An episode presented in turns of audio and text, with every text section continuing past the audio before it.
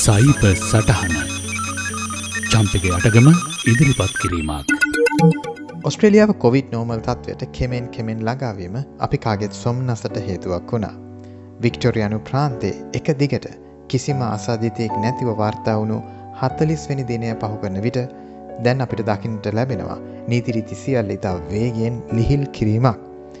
නමුත් මොන ලිහිල් කිරීම සිදු වුණත් එන්නතක් ඇවිත් මේ වදුර සම්පූර්ණයෙන්ම පහව යනතෙක් මේ සියලු සේව අස්ථානවල දිග්ටම පවතින දෙයක් තියේවි. ඒ තමයි කන්ටෙක්් ට්‍රේසිං රෙකෝඩ්ස්. මොකද ඒ හරහත් තමයි යම් දිනක ආසාධිතය කමු වුණොත් ඒ පුද්ගලයා සමීපයට පැමිණි වෙනත් අය හඳුනාගෙන ඉතා කාර්යක්ෂමව පොකුරු පාලනය කරන්න පුළුවන් වෙන්නේ. මේ කන්ටෙක්් ට්‍රේසිං රෙකෝඩ්ස් කියන එක සරල දෙයක්. කෞදාවේ කවදද ආවේ දුරකතනංකෙ කුමත් යන සටහන් කරන්න පමණයිනි තියෙන්නේ සරල වුණා මේ ඇත්තරම ප්‍රශ්නකාරී වග ඔබ අත්දැකිවීම දන්නවා. පෑනක් අරගෙන තමන්ගේ විස්තර නිතර ලියා තැබීම ප්‍රායෝගිකව පීඩාකාරී වෙනට අමතරව. මේ විස්තර පසුවෙන ඕනෑම කෙනෙකුටත් බලාගන්න පුළුවන්වීම අපි කැමති කාරණයක් නම් නොවේ. සේවස්ථානය පැත්තෙන් බැලුවත් සමාර්විට මේ අත්තකුරු කියවන්න බැරිවීම. සහ ලිවීමේදී වෙන වැරදි නිසා මේ දත්ත එකතු කිරීමෙන් මහන්සිය අපතයාමත් දක්වන්නට පුළුවන්. මේකට වික්ටෝරයානු රජ්‍ය ඉලෙක්ට්‍රොනික ක්‍රමයක් හඳුන්වා දෙනවා. මෙහිදි යොදාගන්නේ QR කෝඩ් එකක්. එනම් ක්වික් ප්‍රෙෆරන්ස් කෝඩ් එකක්. මේක අලුත් තාක්ෂණයක් නොවේ. යන්ත්‍රවලට කියවන්න පුළුවන් හතරැස් කොටුවක් ඇතුළේ කේතයක් සටහනුණු බාර් කෝඩ්ඩයක් ඔබ හැමෝම එක දැකල තියෙනවා. ජපානයේ මෝටර් රථ නිෂ්පාදනයේදී එදදාසමසි අනු හතරෙදි මුලින්ම හඳුන්වා දුන් මේ තාක්ෂණය දැන් නැති තැනක් නැති ගානයි. වික්ටෝරයනු රජය මේ ක්‍රමය භාවිතා කරන ලෙස ඉතා උනන්දුවෙන් රැකමදාරු කරත් තාම මේ අනිවාර්ය කරලා නැහැ. නමුත් මේට වැඩි දෙනෙක් උනන්දු කරවන්න විය යුතුයි. ඔවුන් මේ තාක්ෂණය භාවිතා කරන සේවාස්ථානවලට වැඩි පිරිසක් එකතු කරගන්න පුළුවන් විදියට නීතිරීති පවා ලිහිල් කරලා තියෙන්නේ. මේ ලංකාවෙත් මීට සති ගානකට කලින් රජය හඳුන්වා දුන්න. මේ ක්‍රියාත්ම කිරීම ඉතා සරලයි. ප්‍රජා දැනුවත් කිරීම තමා සමහර විට අභියෝගයක් විය හැක්කේ. අනික්කාරණය රජය මේ සේවාව සපයන්නේ සම්පූර්ණයෙන්ම නොමිලේ. අපි දැන් කතා කරමු ඔබේ වෙළඳ හෝ වෙනත් සේවා ආයතනයක් තියෙනවා නම් ඔබ කොහොමද මේ ක්‍රියාත්මක කරන්න කියලා. ඔබ මුලින්ම කරන්න ඕනේ මේ සේවාව වෙනුවෙන් ලියාපදිංචි වෙන එක. ඒක බොහොම පොඩි වෙලාවක් ගත වෙන කාරණයක්.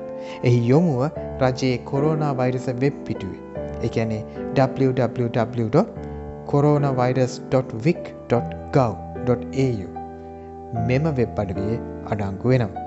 ලියාපදිංචි වුණු සැනින් ඔබගේ ව්‍යාපාරික ස්ථානයට අදාළ QR කෝඩ් එක ඊමේල් හරහා ඔබට ලැබෙනවා. එය භාගත කරගෙන පෝස්ටරයක් විදියට ඇතුල් වෙන තැන ඔබට දිස්වෙන්න සලස්වන්න පුළුවන්. ඔබේ සේවාස්ථානයේ විනාඩි පහලවකට වඩා වේලාවක් රැඳෙන කෙනෙක් සිටිනවා නම් ඒ අය මේ කෝඩ් එක ස්කෑන් කරන්න ඕනි. ඕනෑම ස්මාර්ට් ෆෝන් එකක කැමරායක විවෘත කොට මේ බාකෝඩ් එකට එල්ල කළ සැනින් ඔබට ෆෝන් එක හරහා ඔබගේ නම සහ අංගය රජයේ මධ්‍යම දත්ත ගබඩාවට යවන්න පුළුවන්. ඒ සඳහා එතනට පැමිණෙන කෙනාට අවශ්‍ය වන්නේ ස්මාර්ට් ෆෝන් එකක් පමණයි. මේ පහසුකම් නැති අය හෝ තාක්ෂණික කාරණම් මත මේ සේවා භාවිතා කරන්නට බැරි අය වෙනුවෙන් පොතක් සහ පෑනකුත් සූදානමින් තැබිය යුතු බව රජය මතක් කර සිටිනවා.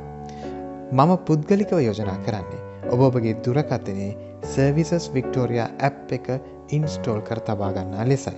එකට හේතු දෙකක් තියෙනවා. ඒ තමයි පහසුව සාරක්ෂා. පහසුව තමයි ඔබාර පෝස්ට එක ස්කෑන් කළ සැනින් ඇප් එක විවෘත වී ඔබේ දත්ත ඔබ වෙනුවෙන් රජයේ දත්ත ගබඩාවට යවන එක වෙනම ටයිප් කරන්නට අවශ්‍ය නැහැ.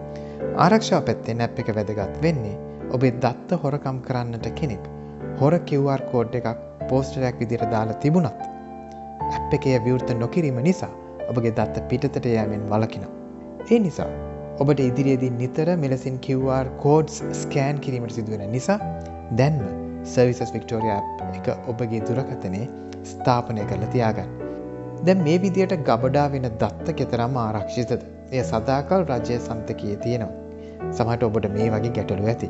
රජය පවසන විදියට මේ දත්ත ඉතා ආරක්ෂිතවුන් ගබඩා කරනවා. රජයේ සෞඛ්‍ය සේවාව මේ දත්ත භාවිතා කරන්නේ. ඔබගේ සේවස්ථානයේ කොරෝනා වෛරස් තත්ත්වයක් මතුවහොත් පමණ. එසේ නොමැතිනම් දින විසි අටකදී ලයිස්තු ගත වූ අයගේ නම් සාදුර කතනංක සියල්ල ස්වයංක්‍රියව මැකියනවා. අවසාන වශයෙන් මතක් කරන්න තියෙන්නේ එන්නතක් පුළුල් ලෙස භාවිතා වෙනතුරු මෙය තමයි කොවිඩ් නෝමල් තත්ත්වය. එනිසා අපිත් අපගේ ප්‍රජා යුතුකම ඉටු කරමු. ස්ට්‍රික් ලොක්ඩව් එක කමාරුව ඉන් මිදීමේ සතුටත් වරක් නොව දෙවරක් අත්විඳී වික්ටෝරියන් වාසින් විදියට අන් කිසි ප්‍රාන්තයකටත් වඩා අපේ දැනගන්න ඕනේ ප්‍රජා වගකීමේ වටිනාකම.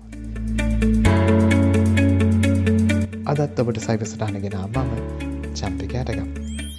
Thank you.